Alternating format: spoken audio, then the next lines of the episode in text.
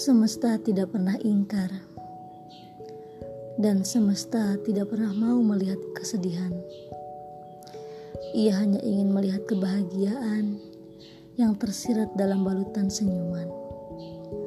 Bertemu dengannya, tercipta lembaran baru yang terus menemani saat mata ingin terlelap. Kata demi kata aku sambungkan, terlihat indah jika sudah menjadi kalimat tanda koma, tanda titik menjadi penyempurna. Ketika berhenti di tanda tanya, di situ pun aku menanyakan, mengapa semesta harus mempertemukan?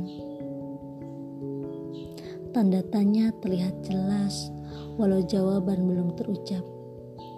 Katanya, tidak perlu dipertanyakan. Semesta mempertemukan bukan untuk membuatmu bingung, apalagi harus sedih. Dia tidak mau melihatmu terpuruk dalam kesedihan, karena bahagiamu, bahagianya juga. Kamu ingat, di saat hujan datang, dia memperlambat saat mengendarai motor. Di sana, dia terlihat bahagia saat mengucapkan sajak-sajak indah dengan alunan musik rintikan hujan. Aku yang masih tersipu dan masih membisu.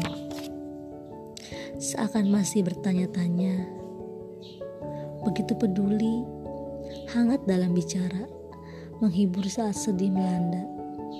Dia berucap dan menghilangkan semua lamunanku. Tidak perlu ada tanda tanya di antara kita. Hadirkan saja tanda seru dia tidak akan mengakhiri suatu kalimat dan tidak akan membutuhkan jawaban.